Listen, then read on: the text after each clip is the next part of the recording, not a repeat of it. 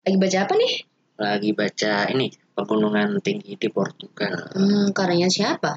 Jan Martel. Jan Martel yang nulis Life of Pi. Iya. Hmm, bagus nggak? Hmm, bagus ya aku seneng sih. Kalau nggak percaya, coba aja baca.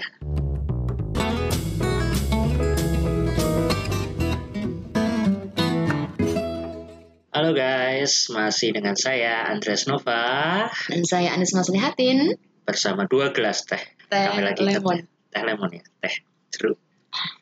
Di podcast coba baca.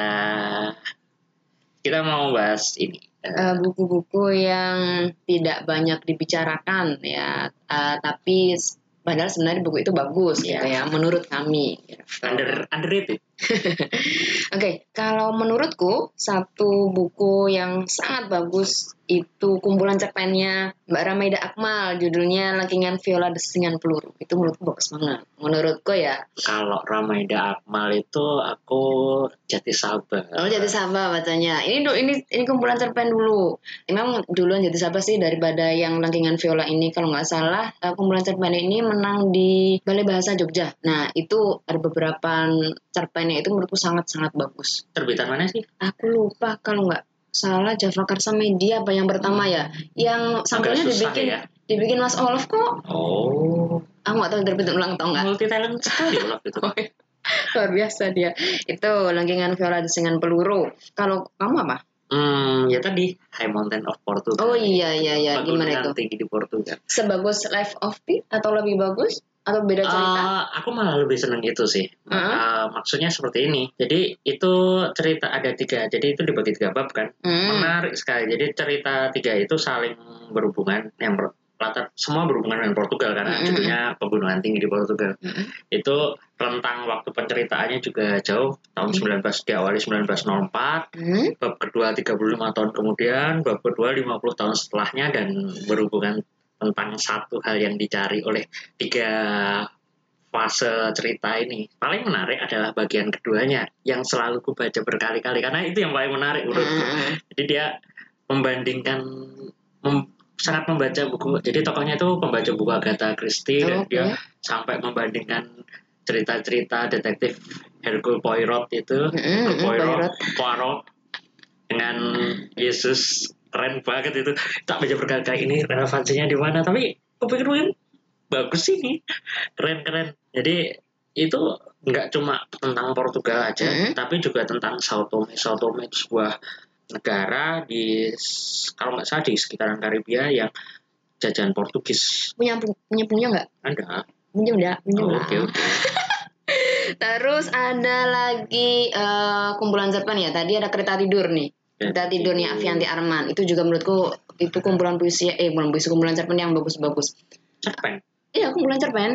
dan Dia- Arman lebih dikenal dengan puisinya Ya ada, tapi dia punya dua kumpulan cerpen kalau nggak salah. Telah atau sebelum kereta tidur itu ada Negeri Para Peri. Itu juga bagus-bagus. Kalau Hmm. kereta tidur, cerpen yang paling kusuka ya kereta tidur itu dia deskripsinya itu menurutku ya sangat perempuan gitu. Detil-detilnya itu ah Ya kalau sangat cewek itu rata-rata yang detail-detailnya itu lebih Iya, perasaannya halus gitu kan. Itu menurutku aku suka banget. Iya. Cerpen-cerpennya Avianti Arman. Itu. Itu bagus. ada ini eh, biografinya Andrea Pirlo. Oh, kayak Pirlo. itu itu Pirlo. keren. Jadi aku kan penggemar Inter nih ya. Heeh. Pirlo itu le- eh, legendanya Milan tapi dia tim juniornya di Heeh, Inter. heeh. Legendanya Milan main di Juventus, menang banyak gelar tapi Aku dia tahunya waktu tim di Juventus doang. tim juniornya di Inter zaman Oh. masih uh, belah pinggir kayak Beckham kayak gitu. Apa bagusnya biografi Jadi pemain sepak bola? Pirlo itu itu kan judulnya Hmm, itu kayak kayak Descartes. ini kayak Rene Descartes itu cara dia mendeskripsikan pengalaman pengalamannya itu luar biasa dan hanya 20 bab nggak terlalu tebal Hmm. karena angka 21 ada angka favoritnya dia kan Hmm. nomornya 21 kan Iya. sejak di Inter itu 21 maka aku sudahi biarlah nomor 21 ini kusimpan untuk diriku sendiri puitis banget, loh. Walau- ya. walaupun itu yang nulis bukan dia jadi oh. jadi ada penulis aku lupa dia nulis Heeh. setelah Pirlo cerita panjang lebar ditulis oleh orang lain dan gitu. ya Bukan? ditulis oleh orang lain tapi berdasarkan dia ngobrol-ngobrol panjang dengan Pirlo dan obrolannya itu nggak nggak sekedar aku tahun segini latihan gini gini gini Hmm. karena biografi kan kayaknya kayak gitu kan Hmm. tapi kalau Pirlo itu dia filosofi yang dipikirkannya dia itu kan suka main PS Hmm. ya sebelum sebelum menang Piala Dunia tahun 2006 dia itu juga main PS malam sebelumnya aku nggak menyangka malam ini aku paginya main PS malamnya aku menjuarai juara dunia menjadi juara dunia Iya 2006 itu. dulu Italia di pokoknya itu Piala Dunia 2006. 2006 lama pokoknya jadi dia menyamakan dia sangat dia ternyata juga pernah dibujuk oleh Pep Guardiola Mhm. untuk eh lah main di Barcelona aja dan dia kagum dengan Pep karena dia itu bisa aku tuh main PS karena supaya aku bisa menghadirkan 11 pemain di lapangan tapi Pep itu nggak perlu megang stick nggak bahkan terlalu nggak terlalu tahu pemain sepak bola sih ya. Aku tahu dulu pernah ngefans banget sama Del Piero. eh Del Piero diterbitkan juga Ada- ada ininya, biografinya? ada ada Oh, ya? itu aku belum belum baca dan Del Ya Piero walaupun dia main di Juventus Del musuh Piero. bebuyutannya Inter tapi ini apa namanya menarik sekali ya ada masa ketika aku mengoleksi semua aksesoris tentang Del Piero posternya. Buku dulu buku yang covernya Del Piero Hmm. terus gantungan kunci ya ampun itu mengingatkanku pada temanku MTS dulu SMP oke. Apalagi Gitu, nih? ya. Eh, kalau biografi aku baca ini eh, Nick Drake. Mm-mm. pernah dengar? Oh aku tahu penerjemahnya. Oh ya Amoklisidin Ah, ah. itu follow di Kibul juga oh itu. iya waktu itu aku Pernah ngirim. Surabaya terjemahan eh, Osamu Dazai Larilah Melos oh sama dosen Jepang ya Heeh. Nah, itu menurutku biografi yang bagus. Jadi bagusnya itu tidak banyak orang Indonesia yang tentang Nick Drake gitu. Dan dia penerbit nggak tahu. ini, penerbit ini dia berani menerbitkan sesuatu yang tidak Populer. tidak populer. Jadi sosok Nick Drake ini memang dia penyanyi solo tahun 1960-an gitu. Dia sangat potensial, tapi kepribadiannya itu introvert. Dia bahkan nggak mau loh prom-prom album gitu. Iya, aku juga nggak Eh. tahu orangnya. Dia cuma kalau nggak salah cuma tiga album Nick Drake itu. Aku jadi membaca membaca membaca eh membaca mendengarkan musiknya setelah membaca biografinya. Bagus. Hmm, bagus, ah, bagus banget. Spotify ada Hmm. nggak ya? Ada ada ada Spotify. Oke. Masih biografi, kalau menurutku bagus ya. Silaban, Frederick Silaban. Frederick Silaban. Itu yang merancang Masjid Istiqlal. Mm-mm. Eh, beliau itu merancang beberapa bangunan penting di Indonesia. Wow. Bukunya memang rada berbobot sih, berbobotnya ya. itu Ini apa biografi seorang arsitek? Eh, eh. Nah, ditulis juga oleh seorang seorang arsitek eh Setio- Setiadi Sopandi. Mahal sih, Tebel. tebel mahal. Satu juta, satu juta kembalian lima puluh ribu. mahal tenan. Astaga. Itu. Ini ada casual vacancy, casual vacancy. Eh, tahu, J.K. tapi belum baca. J.K. J.K. Rowling. Ya, aku baca Harry Potter. Apa ya? Iya salah satu ini dianggap underrated karena J.K. Rowling terkenal dengan Harry Potter. Mm-mm. Buku ini tertutup oleh Harry Potter. Itu kan setelah Harry Potter. iya, kan? tapi Bukan orang mengenal J.K. Rowling itu Harry jadi Potter. Harry Potter Ah, pasti. ini Harry Potter pasti. Beda kayak uh, Neil Gaiman, Neil Gaiman terkenal dengan American Gods. Ah, ah. Tapi dia punya buku yang sama populernya di Mm-mm, sama US. bagusnya juga ya. Mm-mm. eh J.K. Rowling juga bikin ini dia bikin apa nama nama samaran Robert Galbraith itu Ah, ah, ah. aku baca eh, satu bukunya tapi bagus ceramahnya atau pidatonya Hmm? itu diterbitkan sama Gramedia. Aku lupa judulnya. Rowling ko- covernya putih. Aku lupa. Jadi motivasi, motivasi. Kamu kayak Mario Teguh. Apalagi, Apalagi ini, kira-kira? dua ibu Arswendo. oh Arswendo Arswendo kayak itu ini ya, kayak nama rumah makan Padang, doa ibu, oh dua ibu. doa ibu tuh di ini di belakang belakang truk itu ada doa ibu Oh, iya. Eh, Arswendo itu ada temanku yang paling suka Arswendo di Furkon itu dia ada dia suka ngerekomendasiin buku-bukunya Arswendo. Salah satunya dua ibu terus satu pria tiga cinta apa ya? Eh, itu pokoknya buku Arswendo memang bagus. Sa- Satu kakak tujuh ponaan. Serial lawas buat itu. Arswendo yang baru filmnya diinin lagi kan? Tapi Arswendo itu juga dia ini ya apa banyak yang novel karya-karyanya itu diangkat menjadi film kayak Keluarga Cemara. Keluarga Cemara Satu kakak tujuh ponaan itu aku lupa Arswendo apa bukan. Tapi kalau dari ceritanya itu kan Arswendo banget. Nah, Eh, banget tapi nggak tahu sih belum belum ngecek lagi sih Tapi di antara semua Asmendo canting sih yang paling Ya. di kepala canting. yang ini ya, kan apa batik. pembatik Hmm, keluarga pembatik Solo. itu ada yang pernah komentar aku lupa aku baca komentar itu di mana jadi buku canting itu sangat uh, memorable buat mereka karena itu kebetulan uh, dua orang yang komentar kan harus belajar kan dua orang cewek Uh, dia bukan orang Jawa memahami keluarga suaminya keluarga Hmm. pasangannya itu melalui buku itu Hmm. Wow. nggak nggak menyangka kan buku-buku buku bisa Heeh. mempengaruhi orang sampai segitunya. Aku lupa aku baca di mana. Di komentar di Instagram apa di mana randomly aku aku jadi inget itu karena bukunya canting itu. Ya sama kayak aku mempelajari Tuban. Eh, itu dari arus baliknya Pramut ya. Kamu lahir di Tuban. Aku nggak nggak ngerti. Aku taunya Tuban itu ketika baca arus balik gitu. Oke, terus Terus apa lagi nih? ada bukunya ini Cadastanias. Itu Amin Malov. ya, I mean my love. Aku baca, aku ingat bukan bukan cawapres ya ini ya. Kita nggak ngomong politik ya. Terjadi Amin Ma'ruf. Ma'ruf Amin. Nggak, nggak, bercanda. aku ingat tokohnya itu Lamia, ya nggak? Ya, Kecantikannya Lamia itu luar biasa. Itu sih yang aku ingat eh, selebihnya. Wah, Cadastan eh, Amin Maluf, karya Amin Maluf dia kan kalau nggak salah Maroko apa ya? Hmm. Maroko itu. Jadi itu salah satu karya berbahasa Prancis karena yang sebutannya itu kan sastra Maghreb, Maghrib, Maghrib, sastra Maghreb Oke. dalam bahasa Prancis salah satu sastra frankofon, sastra berbahasa Prancis yang dipelajari di Aljazair kayak Ahmed Abel Kam, Abed kamu itu kan Hmm. Aljazair dia. Iya, iya. Terus salah satunya ya La Roche Tanios ini, uh, Cades Tanios ini, Hmm. The Rock of Tanios. Ini kalau di sini diterjemah diterbitin sama Obor kalau nggak salah. Iya, sama obor. ya. ah.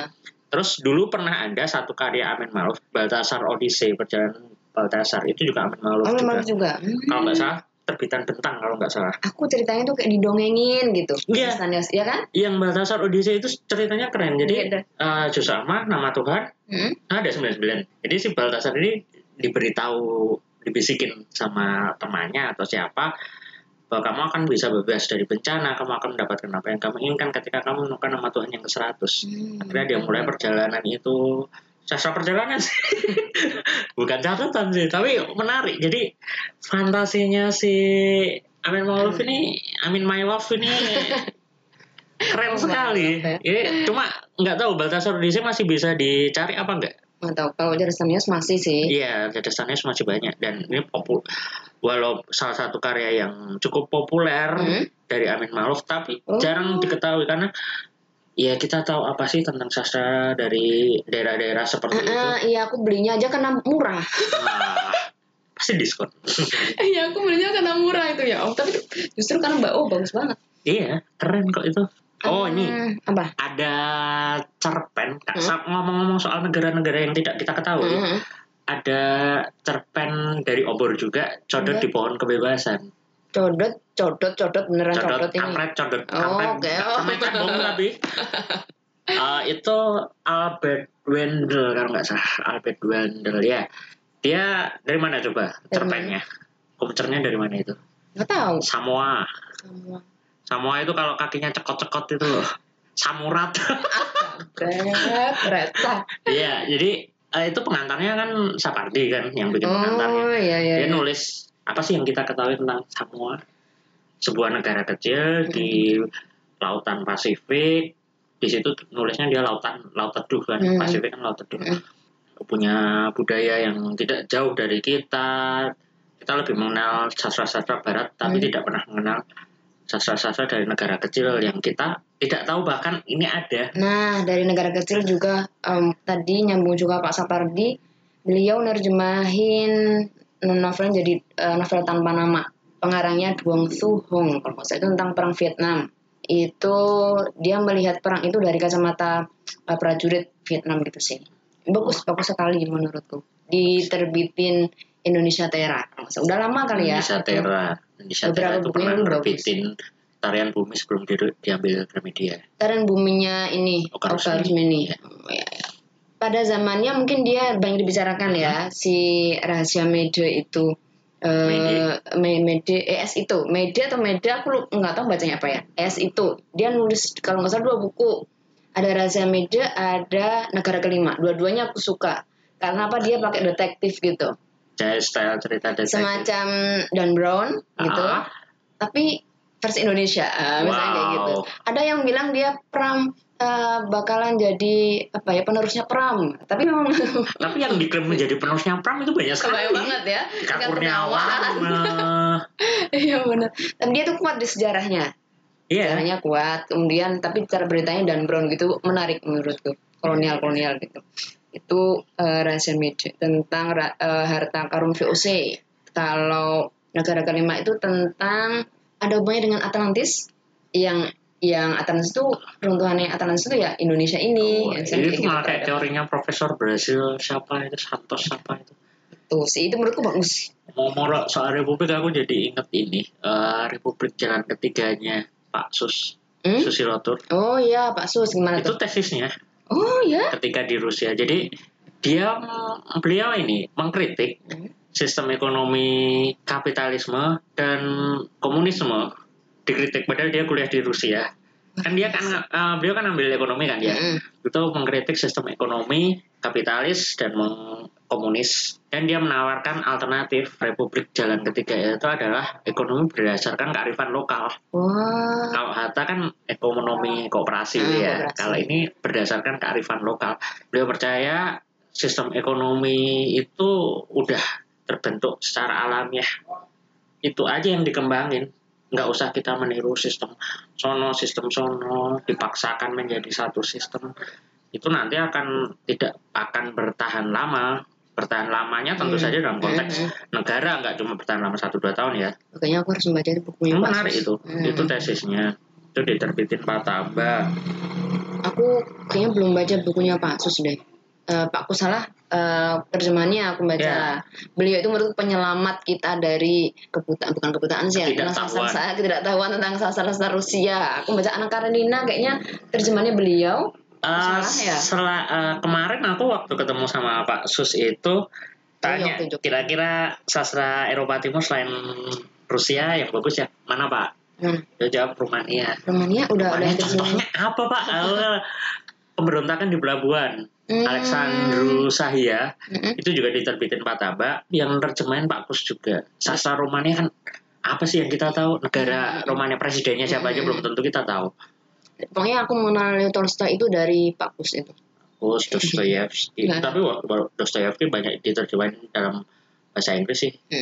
Dari bahasa Inggrisnya. Wah, makanya banyak miscontact kalau menurutku. Ini ada pernah baca nih 12 pasang mata.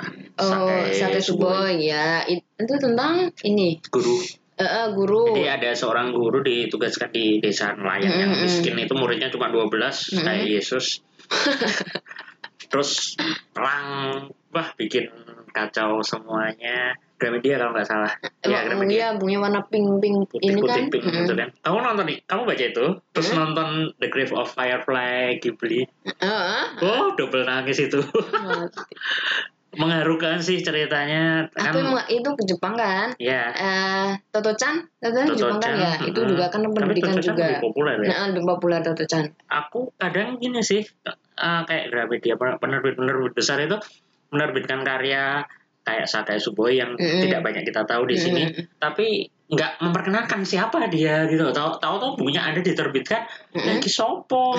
kan kadang kita bertanya-tanya seperti itu kan. Iya iya iya. nggak ada benar. upaya untuk bahkan di dulu. sosmednya yang Hmm. yang yang gratisan aja lah itu nggak ada ini siapa sih ya mungkin itu perlu perlu dilakukan oleh penerbit-penerbit untuk memperkenalkan karya terjemahan karena memang Mm-mm. kita sangat buta terhadap karya-karya yang di negara lain Mm-mm. kita terlalu bangga dengan karya-karya sendiri apa ya enggak juga sih menurutku. Biasanya orang tuh beli buku itu karena pertama mungkin bestseller, kedua mungkin rekomendasi dari penulis juga bisa. ya Jadi harus ada upaya untuk memperkenalkan memang, misalnya gini ya, eh kalau kan baca apa gitu ya. Ya, Mhm. kita kadang ikut gitu bacanya Mhm. dia karena mungkin sudah terbukti itu bagus kayak gitu jadi tidak sedikit keberanian untuk mencoba apa membaca buku yang kita benar-benar nggak tahu tapi Eka Kurniawan juga nerjemahin loh ini lagi PO bukunya Apa? Nanti aja kita bahas di segmen berikutnya. Nah, kan turun lagi. Eh kalau Memang. kenalan lagi nggak apa-apa lah. Lagi Ya, seneng kayak aku. gitu. Hmm, apalagi ya buku-buku yang underrated? Eh, ini ini nih. Ngomong soal buku, para penggila buku. Ah. Itu. Itu disusun oleh eh, Semuhidin M Dahlan sama satunya lupa. Aduh, lupa. Berarti terbitannya R buku. Nah, ya? radio buku, radio buku itu me- berisi tentang ya para penggila buku itu mulai dari eh, pustakawan, mulai da- eh, sampai yang emang orang-orang yang bergerak di bidang buku gitu. Itu yang covernya hitam itu ya? Covernya putih. Oh, putih. Covernya putih. Bu, ibunya agak gede, tebel, Biasanya- tebel gitu, tebel memang bukunya. Biasanya radio buku itu hitam semua. Eh, yang aku bikin terharu itu se- sebenarnya ada perpustakaan Bung Hatta di Jogja yang oh, yang ternyata di ini pindah di perpustakaan pusat kan? Hmm. Data center itu. sebelumnya sebelumnya tuh eh, sebelum di situ tuh ternyata Di ada Terban itu. aku lupa nggak tahu di mana ya aku Ah. cuma nggak tahu bayangin itu makanya roboh duluan sebelum aku tahu Se seingatku itu dulu Hatta Center itu di Terban, daerah Terban, terus robohkan, terus arti- eh, sis- buku-bukunya itu dipindah di Hatta Center di perpustakaan pusat UGM. Iya aku kalau Hatta Center tahu Hmm. Hatta Corner itu Hatta Corner ya, Hatta. terus ada satu kisah yang tempat selalu favoritnya Olaf Iban oh ya untuk menggarap skripsi waktu itu. aku ada ke sana dulu ada satu kisah yang aku selalu yang paling kuingat situ tahu Naomi Intan Naomi Hmm. Nah itu eh, itu kisah yang juga ada di bukunya Mas Putut yang apa ya? Padi di langit Ah, ah. yang Itu udah- penerjemah ini loh. udah eh, jarang Imagine bukunya. Communities itu. Mhm. Hmm, itu. Ben Anderson ya. Brian Anderson itu penerjemah dia itu poin kisah tentang beliau itu selalu membuatku terharu gitu. Kita lanjut di segmen kedua. Hmm. Kita bahas buku-buku underrated dari netizen. Oh boleh. Oke, Yuk oke. kita jadi coba bacot.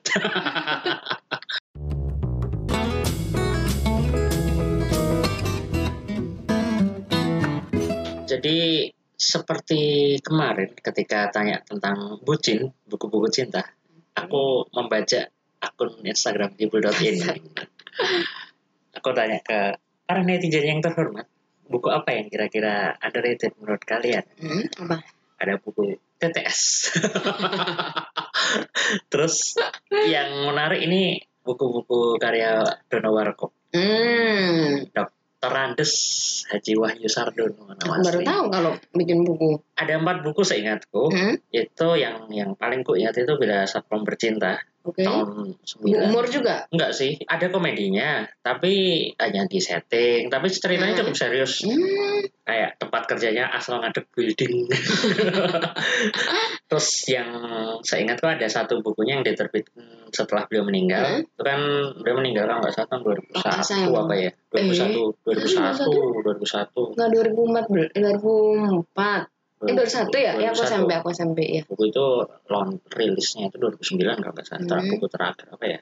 Single kiri, single kanan kalau nggak salah judulnya. Oh, Tuh. masih ada nggak ya? Ya, Sudah nggak aku sampai tahu. bukunya tuh. Kalau Gramedia susah sih kalau buku-buku lamanya.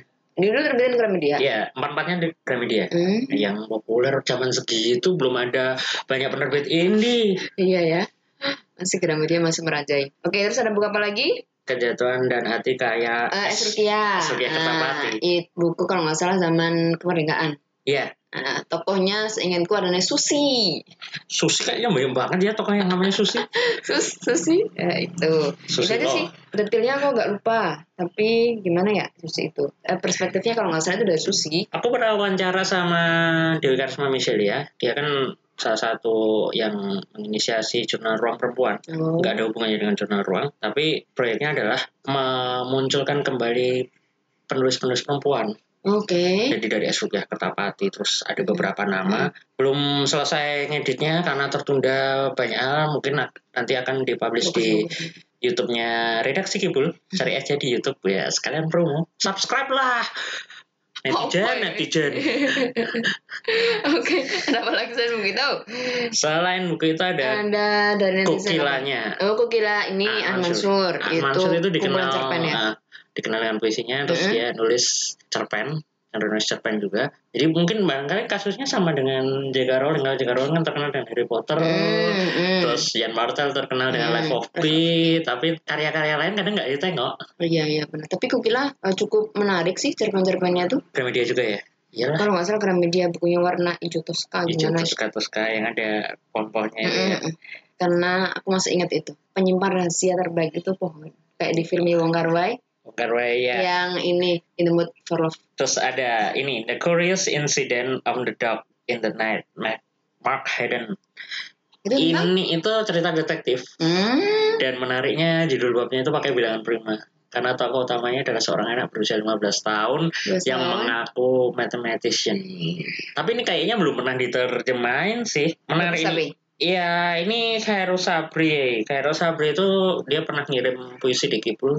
Anggota ya? anggota klub buku Jogja, temen di klub buku Jogja. Dan memang bacaannya itu aneh-aneh. Selera bacaannya itu beragam. Mungkin kapan-kapan bisa kita ajak buat podcastan. Boleh. ya Sab Sabri. Kapan-kapan lah. Ada lagi nggak dari netizen? ada Hmm. menunggu minggu pagi Robi Oh, Julianda ini dari uh, Mbak Mutia Sukma Hmm. uh, istrinya Bang Goto pengelola JPS Itu novel. novel ini menarik karena seingatku aku pernah baca komentar di mana ya ketika aku cari-cari info tentang buku ini itu jadi menunggu minggu pagi itu kan bisa selesai Hmm. karena dia nganggur Penulisnya gitu. Iya. itu eh penulisnya itu dari Sumatera Barat dari Agam apa ya enggak kalau nggak salah. Hmm. Dia selain buku menunggu minggu pagi yang diterbitin oleh Bahasa Basi ini, dia juga ada novelet yang diterbitkan oleh Buku Mojo. Hmm. Eh, udah kayaknya udah selesai pre-order omong kosong yang menyenangkan kalau nggak salah. Yang sarden itu nggak sih? Iya iya iya Eh, warna biru terus sarden, Iya, ya omong kosong yang menyenangkan gitu. Kaleng sarden. Wah. Oke, eh, ada lagi? Adalah Dari netizen. Oh, ini ada kereta tidur ya. Tadi yang kita udah bahas. Oh, iya Terus To Live by You Well. Mm-mm. Ini dari Petang Hari Underscore. Mm-mm. Seingatku dia menulis puisi juga di Kibul. Hmm? Banyak penulis Kibul yang komentar. Lumayan ini. Bagus ini. Sel- Selera bacaannya beragam. Aku senang diskusi buku itu karena buku itu nggak pernah habis untuk kita bahas. Hmm. Makanya bahan podcast akan banyak banget ini. Oh. To Live-nya Yuhua ini dia tentang seorang anak orang kaya lain apa namanya eh, juragan itu Hmm? mengalami masa-masa kejatuhan ketika revolusi Cina. Oh. Jadi iya, ketika iya. revolusi kebudayaan kayak gitu, ini menarik. Kita kan jarang baca sejarah-sejarah Cina. Kita kan Aku kalau Cina aku baca Moyan gitu. Moyan ya, yang terkenal kan itu. Ada mengirim mixtape ke lubang tikus Hmm. Ini kumcer ini kalau kalau nggak salah. Mm-mm. Ingat itu kumcer. Ada komentar yang menarik. Kalau aku sekilas baca itu dia sama vibe-nya sama ini. Apa? Dianugerah sama Sabda Armandio. Oh, iya. iya. Jadi agak-agak nggak jelas gimana tapi menarik. Terus ada lagi ini kitab sukses kiat sukses hancur lembur ya kalau nggak salah ya. Heeh, Kiat Kiat sukses. Hampir lembur. Itu Martin Suranjaya. ah, itu Itu terbit menarik sih. margin kiri. Ya. Margin kiri. tumben-tumben loh margin kiri terbitin novel yang kalau dibaca sekilas kayak tulisan nggak jelas sumpah nggak jelas Itu tuh kalau nggak salah dibahas, pernah dibahas Seno ya Iya di waktu di bahas Dev Seno ini. waktu kuliah Ngomongin umum tentang di humor ya? Mm, ngomongin tentang humor ternyata bahas bukunya Martin Iya. Suryajaya kalau tahu konteksnya ya, Seno Gumilar Jidarma bilang ini kebanyakan humornya itu kita harus tahu paham kedua Iya, konteksnya iya benar. kalau nggak paham? Nggak bisa. kayak dia masih nyebut harmoko kayak gitu. Kalau nggak tahu harmoko kan zaman zaman sekarang. Nggak tahu nggak ada menteri penerangan sekarang ada men- menteri komunikasi dan informasi. Terus ada lagi. Nih perempuan, Perempuan segala. Segala. ini yang ngusulin ini Penulisnya penulisnya sendiri nih. Gak mau kita bahas. Aku suka soalnya penulisnya Iya, iya, iya. sama pernah aku bikin resensinya di Kibul Mm, mm. ketika baca cerpen itu uh, kumcer itu rasanya kayak Oh, itu baca kumcer ya? Iya, rasanya kayak baca Yusi Avianto Pariano Oh ya? dan ku konfirmasi ke penulisnya Hah? ternyata bener dia fansnya Yusi Jadi sedikit Oke. banyak pengaruh sama iya Tapi kalau dengar judulnya perempuan serigala, aku jadi keinget ini dong, lelaki harimau. Ah. kan dia serigala harimau Hmm, kawin silang itu nanti. Tapi menarik di perempuan serigala itu cerita yang paling na- menarik dan paling menyentuh bagiku adalah aku lupa judulnya apa. Ceritanya itu dua tenta dua prajurit, Hmm. dua kubu tentara berperang terus malam Natal mereka gencatan senjata terus mereka main sepak bola. Bayangin itu di perang dunia per- Ah, pertama ah, apa ah. kedua aku lupa. Itu menyentuh sekali. Itu cerpen yang paling menyentuh di buku itu. Ah, aku ingat ada buku yang ini juga, Aksara Amanun Amananuna, itu Rio Johan. Rio Johan, Nah, ya. itu kumpulan cerpen yang menurutku keren banget. Dia Sebelum itu ibu sebelum susu. Ibu Susu. Dia itu sangat pede. Aku selalu menganggap bahwa buku-buku per buku pertama apalagi ya itu kumpulan cerpen dia tanpa endorsement loh. Wow, sangat luar pede dan memang kumpulan cerpen yang bagus banget. Nggak cuma dari ceritanya nggak cuma dari cara berceritanya. Eh, tentang ceritanya juga bagus banget. Itu Rio Johan. Bacalah tapi nyimpen bukunya. Oh, yang nerbitin IBC Oh, ini buku corner. oke oke. covernya biru ada matanya iya kan Mata buku terbitan indie itu biasanya kadang bukan kadang ya tapi kebanyakan bagus bagus. Cuma kadang kita nggak tahu aja. Mm-mm, ya mm-mm. tahunya buku ya yang ada di Gramedia. Nggak apa-apa ya Gramedia. Mau endorse mau kayak piye kayak buku-buku underrated. Underrated, ya. mungkin Hmm. kamu bisa kasih rekomendasi episode depan kita bahas apa nih mau bahas tapi udah nggak bisa cinta-cinta nih. Nggak Februari. Udah nggak nggak apa-apa lah Eh, berarti buku yang dibaca bulan ini ya Heeh, bulan Februari Iya. baca buku apa aja gitu aku udah Banyak nih. beberapa buku sih aku secara kuantitas banyak nih karena tipis-tipis ya.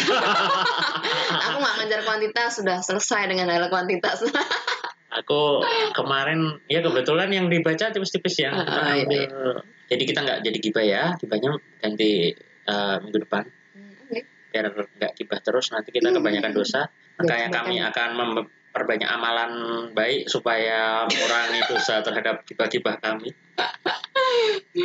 Oke. sampai jumpa di podcast episode berikutnya bersama saya Andreas Nova Saya Masni Hati. di podcast Coba baca. bye Bye.